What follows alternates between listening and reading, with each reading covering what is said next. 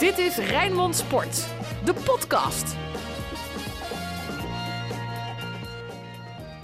Goeiedag, welkom bij de FC Rijnmond podcast, de Feyenoord-editie. Ja, je hoort het goed, we hebben een speciale Feyenoord-editie. Doe ik met Dennis van Eersel en Ruud van Os. Ja, Ruud, waarom een Feyenoord-editie?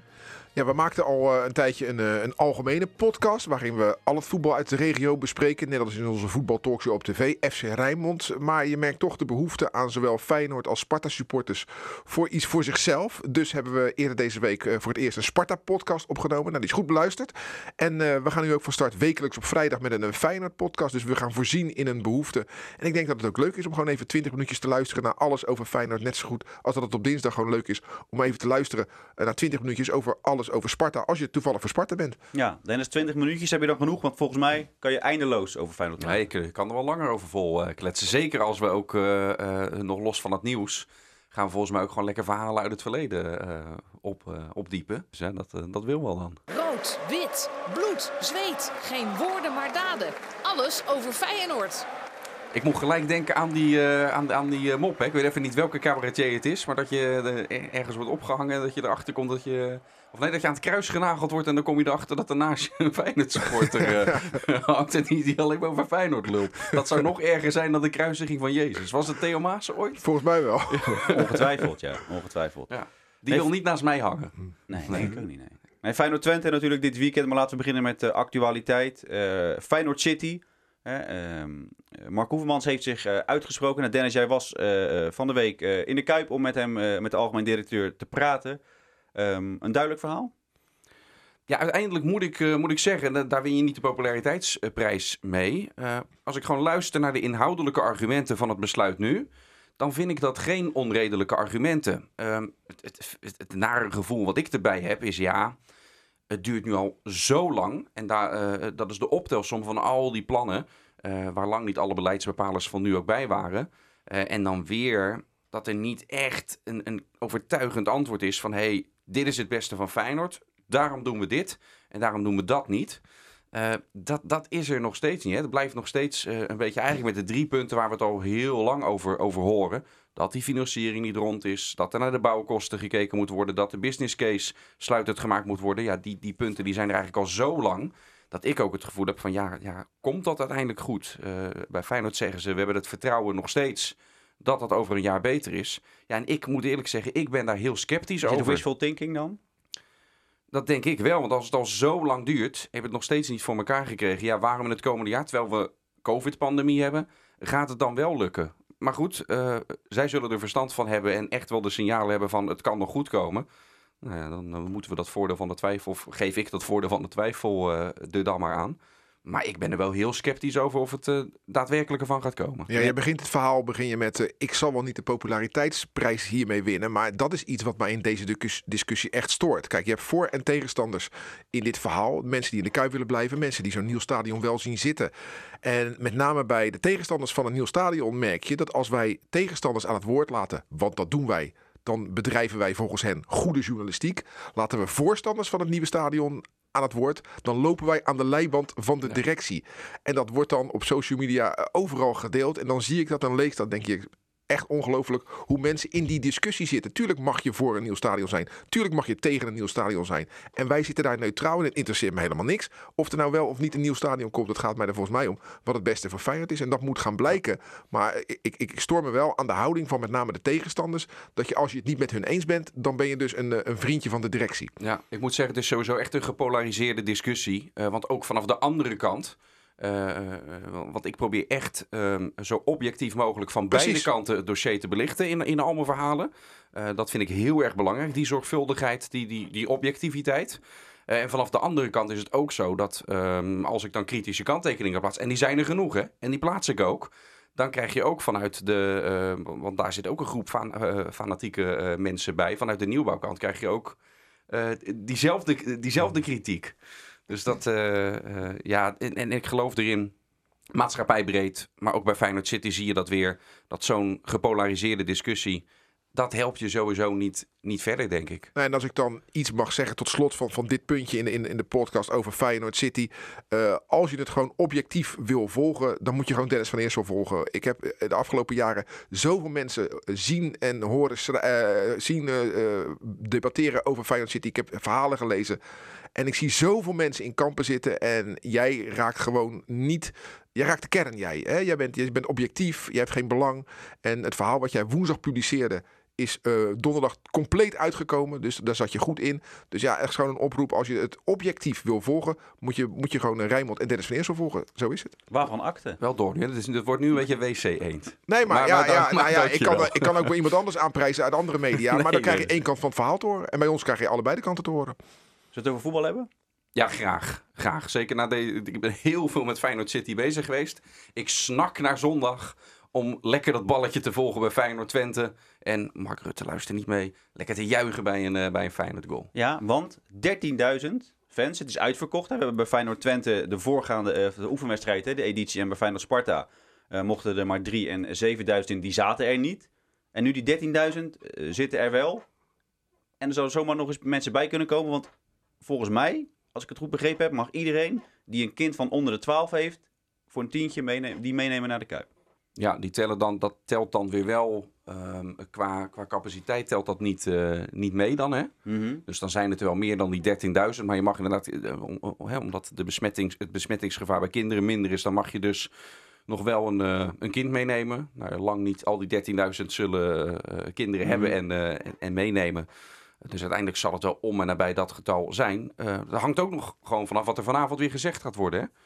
Uh, en wat voor maatregelen er afgekondigd uh, worden. Ik moet wel zeggen dat ze bij Feyenoord nog niets hebben gehoord over dat er een, een, streep gaat dat het weer minder gaan zijn. En dan denk ik gelijk van ja, daar zal Feyenoord toch wel een heads-up vooraf in, in, in krijgen. Want ze weten ook dat, de, de, politiek weet ook dat het een uitverkocht huis is wat eraan zit, zit te komen.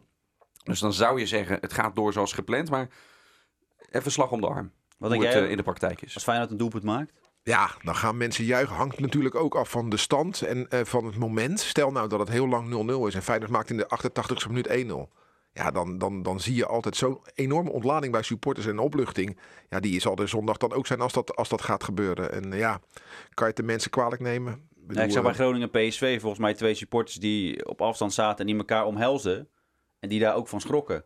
Ja. Van, oh, dat mag niet. Maar ja, je, de PSV, of ze maakte 1-1 ja. tegen PSV. Dat was voor Groningen natuurlijk Ja, maar het is, het is, natuurlijk uh, natuurlijk gedrag uh, voor voetbalsupporters. Um, en dat mag dan opeens niet. Want dat is natuurlijk hartstikke lastig. Als je, als je iets gewend bent, en dat zie je ook op straat, hoe mensen elkaar begroeten met, met die ellebooggroeten en zo. Doet doe het zelf soms ook. Het is een beetje kolderiek. Ja, het is ongemakkelijk. Maar het is allemaal zo onnatuurlijk natuurlijk wat we moeten doen. Want de, de, de mens is niet gemaakt voor, voor zo op afstand blijven van, van elkaar. Nee. Dus het voelt zo onnatuurlijk. En zeker in een, in een voetbalstadion, die saamhorigheid, dat broederschap.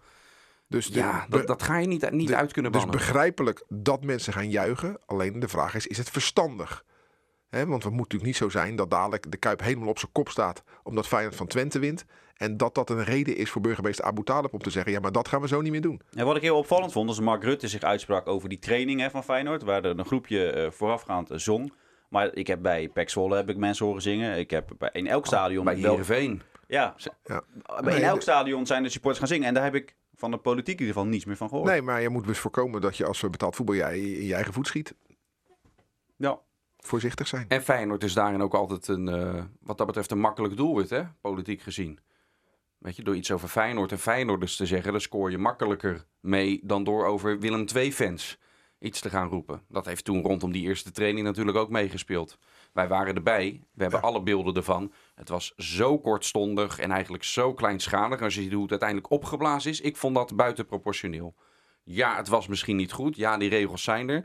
Maar kom op, het was ook de eerste keer überhaupt in de voetballerij dat er mensen op die manier weer samenkwamen. Daar mag je wel iets milder mee omgaan. Tuurlijk moet je aanstippen dat het niet de bedoeling was. Maar hoe er nu op was in, in, ingehakt, dat vond, ik vond het buitenproportioneel. Hoge bomen. Tot slot ja. dit blokje, nog de actualiteit. Uh, Feyenoord heeft de gewenste versterking binnen. Een Servische verdediger, Ruud. Dan kijk ik gelijk naar jou. Uros Spajic, ja, met mijn eh, Servische schoonfamilie. eh, Jij weet Zou je- alles van hem. zou je Ja. denken dat valt in de smaak, maar nee, mijn schoonfamilie is eh, partizan eh, ge- Oh eh, Oh. georiënteerd. En deze man komt van, eh, uit de jeugd van Rode Ster, dus dat is het. tf, daar spuren Ja? ze op. Ja, zo gaat dat in dat land. Hè. Maar eh, ja, ik ben benieuwd. Ik heb een, een, eh, wat beelden van hem gezien in zijn tijd van, bij Krasnodar. En eh, ja, ik, ik, ik beoordeel hem als een eh, eh, Erik Bottegien, maar dan wat sneller. Oh, nou, dat is wel heel wat. Ja, nee, nee. Bottegien is natuurlijk niet snel. Staat Nee. wel vaak op, op de goede plek. Deze jongen die is, eh, heeft een goede sliding, heeft een goede interceptie. En moet de bal dan heel snel inleveren bij een ploeggenoot met, eh, met iemand met hetzelfde shirt aan. Is, is niet iemand die heel veel gaat scoren. Is lang, kan verdedigend goed koppen. Maar heeft ook in december zijn laatste wedstrijd gespeeld.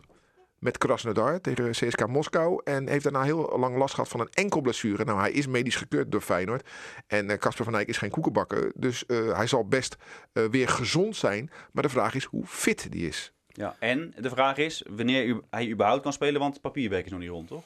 Ja, dat gaat eh, ook zeker nog wel een weekje duren, eh, begreep ik. Dus eh, dan mag hij nog niet meetrainen. Eh, dus dat echt wedstrijdfit worden, daar kan hij nu ook nog niet, eh, niet aan werken. Hij mag ook nog geen interviews geven, want dat schijnt werk te zijn ook. Hij Wel? heeft wel de, met, met Feyenoord Media wel gesproken, maar met ons praten, dan, dan is het werk. Ja, vind ik wel mooi dat Feyenoord Media geen werk is. En als hij met ons moet... Ja, vind ik dat dan zijn we lekker bezig wij. Als, die, als ze met ons geïnterviewd worden, dan moeten ze aan het werk.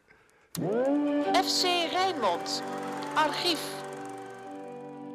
Ik weet niet of we zo ver terug in de tijd gaan met, eh, met het archief van met de herinnering aan, dit. aan Feyenoord Twente. Eh, maar Dennis, eh, als jij aan Feyenoord Toen heette Twente, het nog geen Twente zelfs. eh, Nee? toch? Sportclub Enschede. Ja, En- Sportclub Enschede, Enschede. Enschedese Ja. boys. eh, Maar vertel, we gaan terug naar het jaar.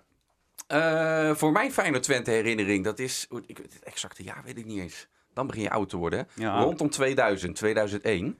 Toen had ik een seizoenskaart bij, eh, bij Feyenoord.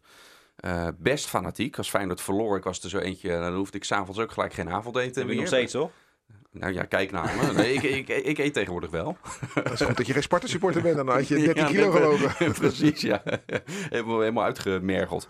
Nee, Feyenoord verloor toen eh, een thuiswedstrijd van Twente. Volgens mij met 1-2 of zo. En eh, mijn broer die, die had er wel zin in om mij daarna te jennen. Dus ik kwam, kwam thuis. Ik log in op mijn Hotmail-account destijds nog. En toen had ik een mailtje van FC Twente. Hey, wat fijn, wat leuk dat je lid wil worden van ons clubpie. ik had er zo de schurft in gelijk. Dus ik wil me afmelden. Alleen, ja, we, we- we hebben het daar over begin van deze eeuw. Ze hadden geen afmeldknop bij Twente. Er kwam niet in ze op dat, dat iemand zo, zoiets als dit dan eh, bij je zou flikken. Dus ja, van je familie moet je het hebben. Volgens mij ben ik vijf jaar lang mailtjes van Twente eh, op dat mailadres gekomen. Dus als je in het verslag soms wel eens wat antipathie richting Twente bij mij Ja, je hebt het altijd over Duitsers altijd, Dan- jij. hè? Ja, ja. Was, was het mailtje ook in het Duits of in het Nederlands? FC Twente 04. het mailtje was niet... Nee, het was, het was- wel alleen in het Nederlands. Ik denk dat het wel. later is eh, Toch wel. Nee, Twente is niet mijn, eh, niet mijn club. Dan gaan we Dan snel ga naar ik ook de populariteit... Ja, dan ga ik misschien wel de populariteitsprijs winnen. Ruud? Mijn herinnering aan de Feyenoord Twente eh, ga ik terug naar 14 mei eh, 2000. Eh, dat was de wedstrijd en de dag na de, vlie- de vuurwerkramp.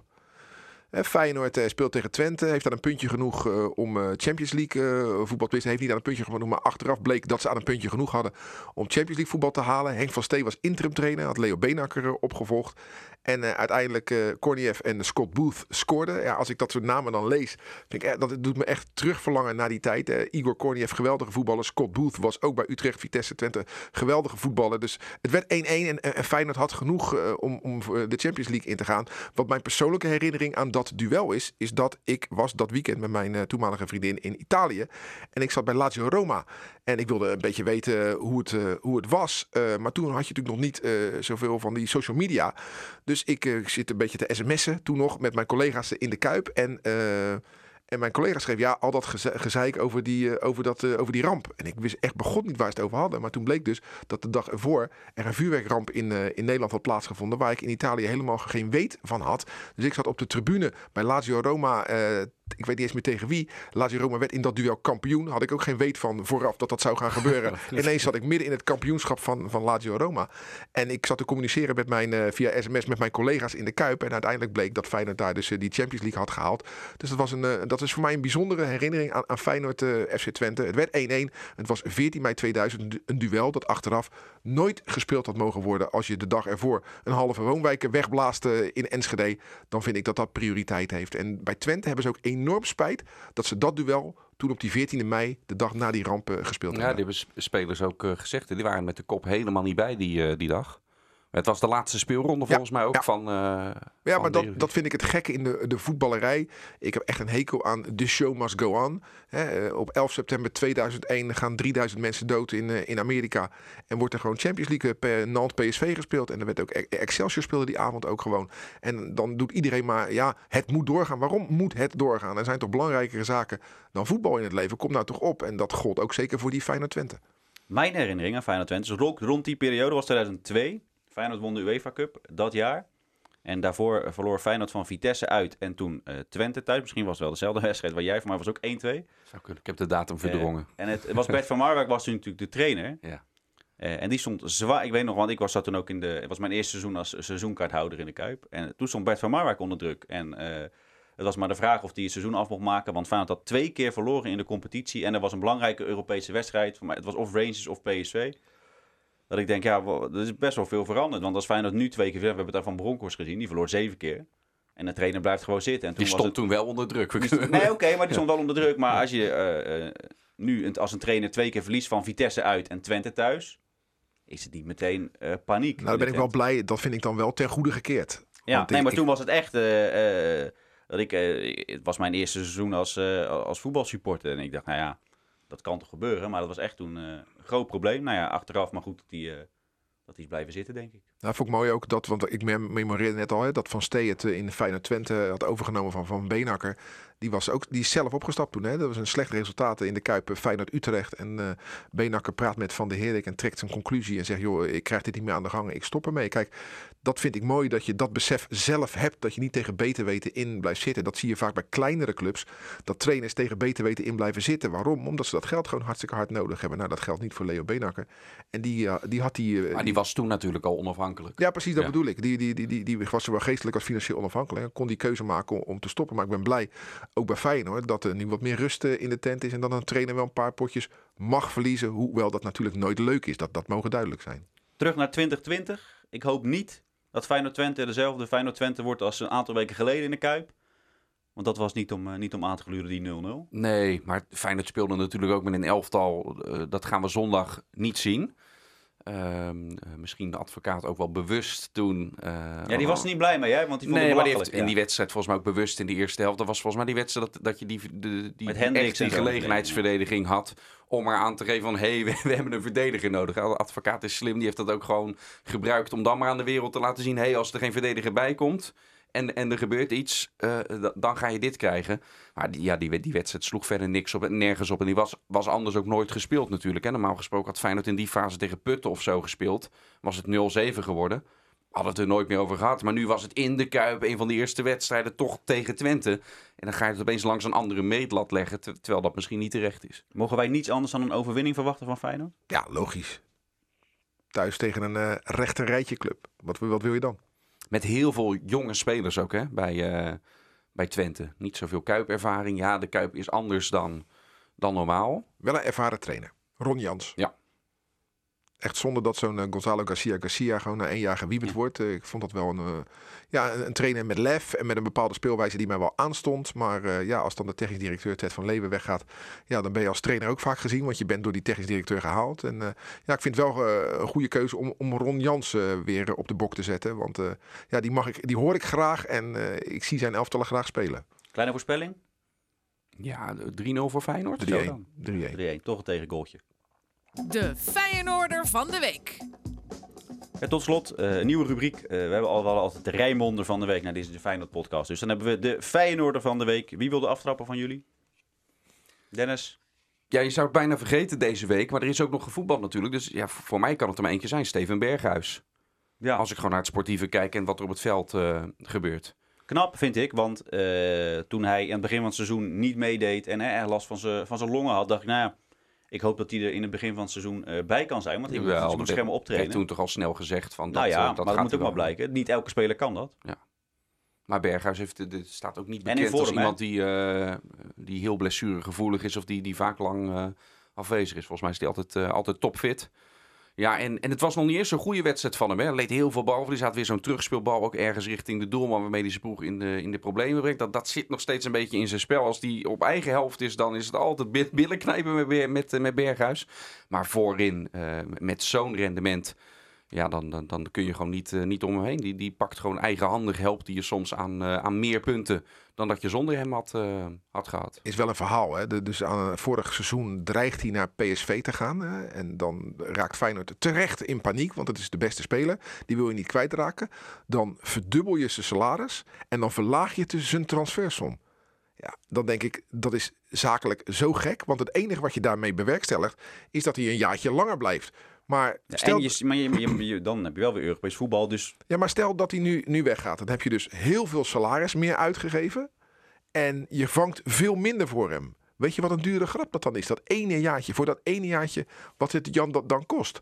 Ik vind dat ja, bedrijfseconomisch niet zo heel slim. Je had misschien wel die verdubbeling eh, eh, erop moeten zetten. Maar dan wel die transfers omhoog moeten houden. Of andersom. Geen salarisverhoging, maar een lagere transfersom. Nu doe je allebei. Ze hebben waarschijnlijk gedacht, als we zonder Berghuis halen we geen Europees voetbal. Dus dan lopen we dat ook weer mis. Dat. Ja, maar je had ook de hoge truf- transfersom van PSV kunnen pakken en op zoek kunnen gaan, of een andere club, eh, naar, naar, naar versterking. Maar als je hem nu alsnog kwijtraakt, ja, niemand wist van tevoren dat het seizoen maar drie kwart zou duren. Dat, dat, is natuurlijk, dat is natuurlijk logisch.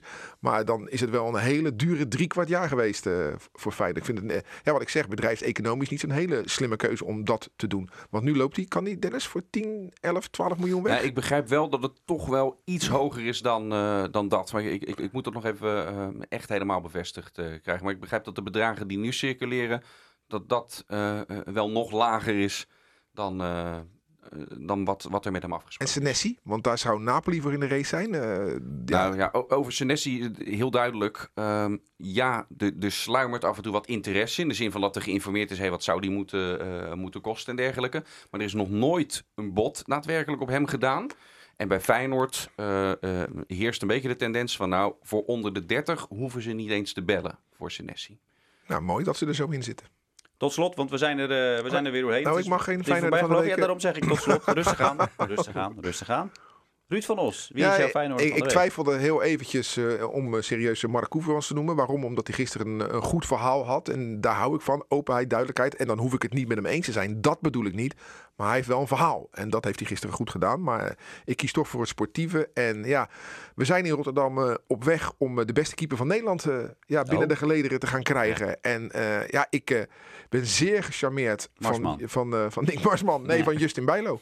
Ik denk echt dat hij de beste keeper van Nederland eh Als hij fit worden. blijft. Hè? Als hij fit blijft, uiteraard. Maar deze jongen is jong, maar straalt zoveel rust en vertrouwen uit. En raakt niet in paniek. Want hij heeft in zijn carrière in de Kuip best wel eens een keer een balletje losgelaten. Maar dan zie ik hem niet uit balans raken.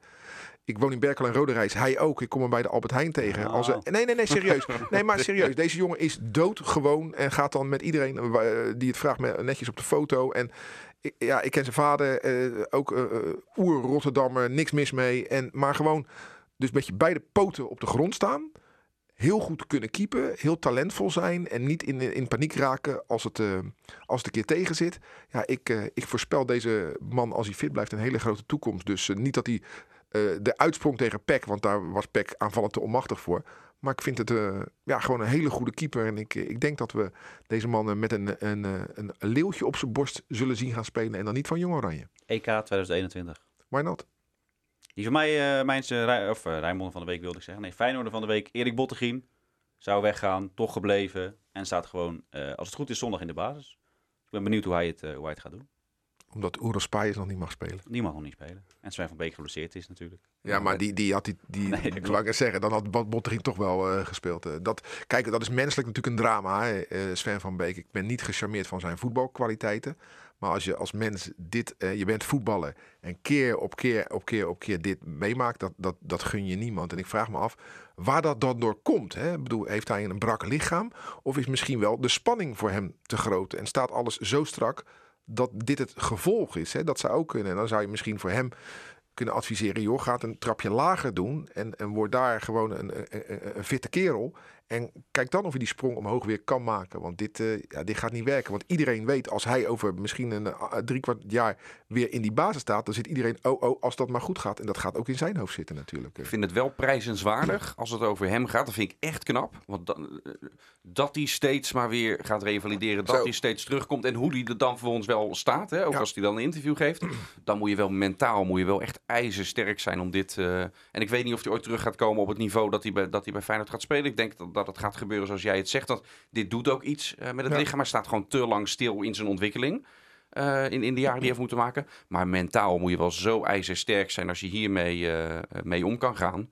En wat dat betreft alleen maar, alleen maar respect Ja, voor, heeft- voor hoe hij ermee omgaat. Hij heeft dus het kampioensjaar 2017 totaal niet gespeeld. Moet je je voorstellen, ga jij altijd alleen naar de gym of alleen je rondjes lopen en dan zie je rechts van je op het veld of in de kleedkamer een groep die naar elkaar toe groeit, die steeds beter wordt, die bovenaan komt te staan. En daar ben je dan geen onderdeel van. En natuurlijk sta je dan wel op de foto, maar in je pak. En natuurlijk sta je op de single, maar net even op, ja, op rij 2. Ja, en dan kunnen we altijd zeggen, ja, maar die gasten verdienen toch zoveel. Ja, maar geld vergoedt niet alles. En dat zie je in de ogen van, van Sven van Beek op dat soort momenten. Dus wat dat betreft, ja, wens ik hem het allerbeste. En hoop ik dat hij echt nog een, een goede comeback gaat maken. Ja, zijn er jij, noemt, jij noemt Bottegien. Ja. Eh, ik, ik ga hem toch even, even opwerpen. Hoe, hoe zeker is het nou dat Bottegien door die Spijts uit de basis gespeeld gaat worden? Ik moet dat ook nog maar zien. Nee, als, maar- als ik verhalen over, over Spijts hoor van hoe het in België, hoe het bij Anderlecht was. Dat, hou- dat houdt niet over hoor. Nee, maar kijk, Bottegin is geen bekkenbouwer en Spijs is ook geen bekkenbouwer. Dus, dus eh, die gaan gewoon de strijd aan. Dat is toch prima? Daar, daar wordt beide beter van. Als je geen concurrentie hebt, dan, dan, dan word je... Kijk naar, naar, naar Jurgensen. Die heeft gewoon een goede concurrent nodig. Nou, die heeft Boos en ik. Nou, die weet niet. Ik moet mijn best doen. Dan ben ik mijn plekje kwijt. Dat is alleen maar goed, joh. Dat is het.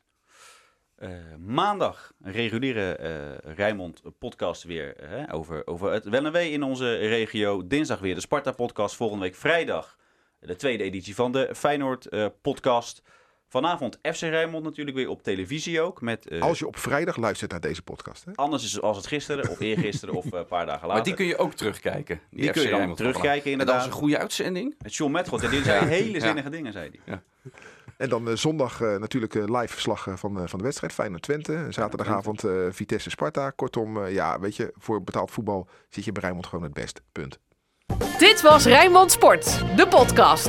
Meer sportnieuws op Rijnmond.nl en de Rijnmond app.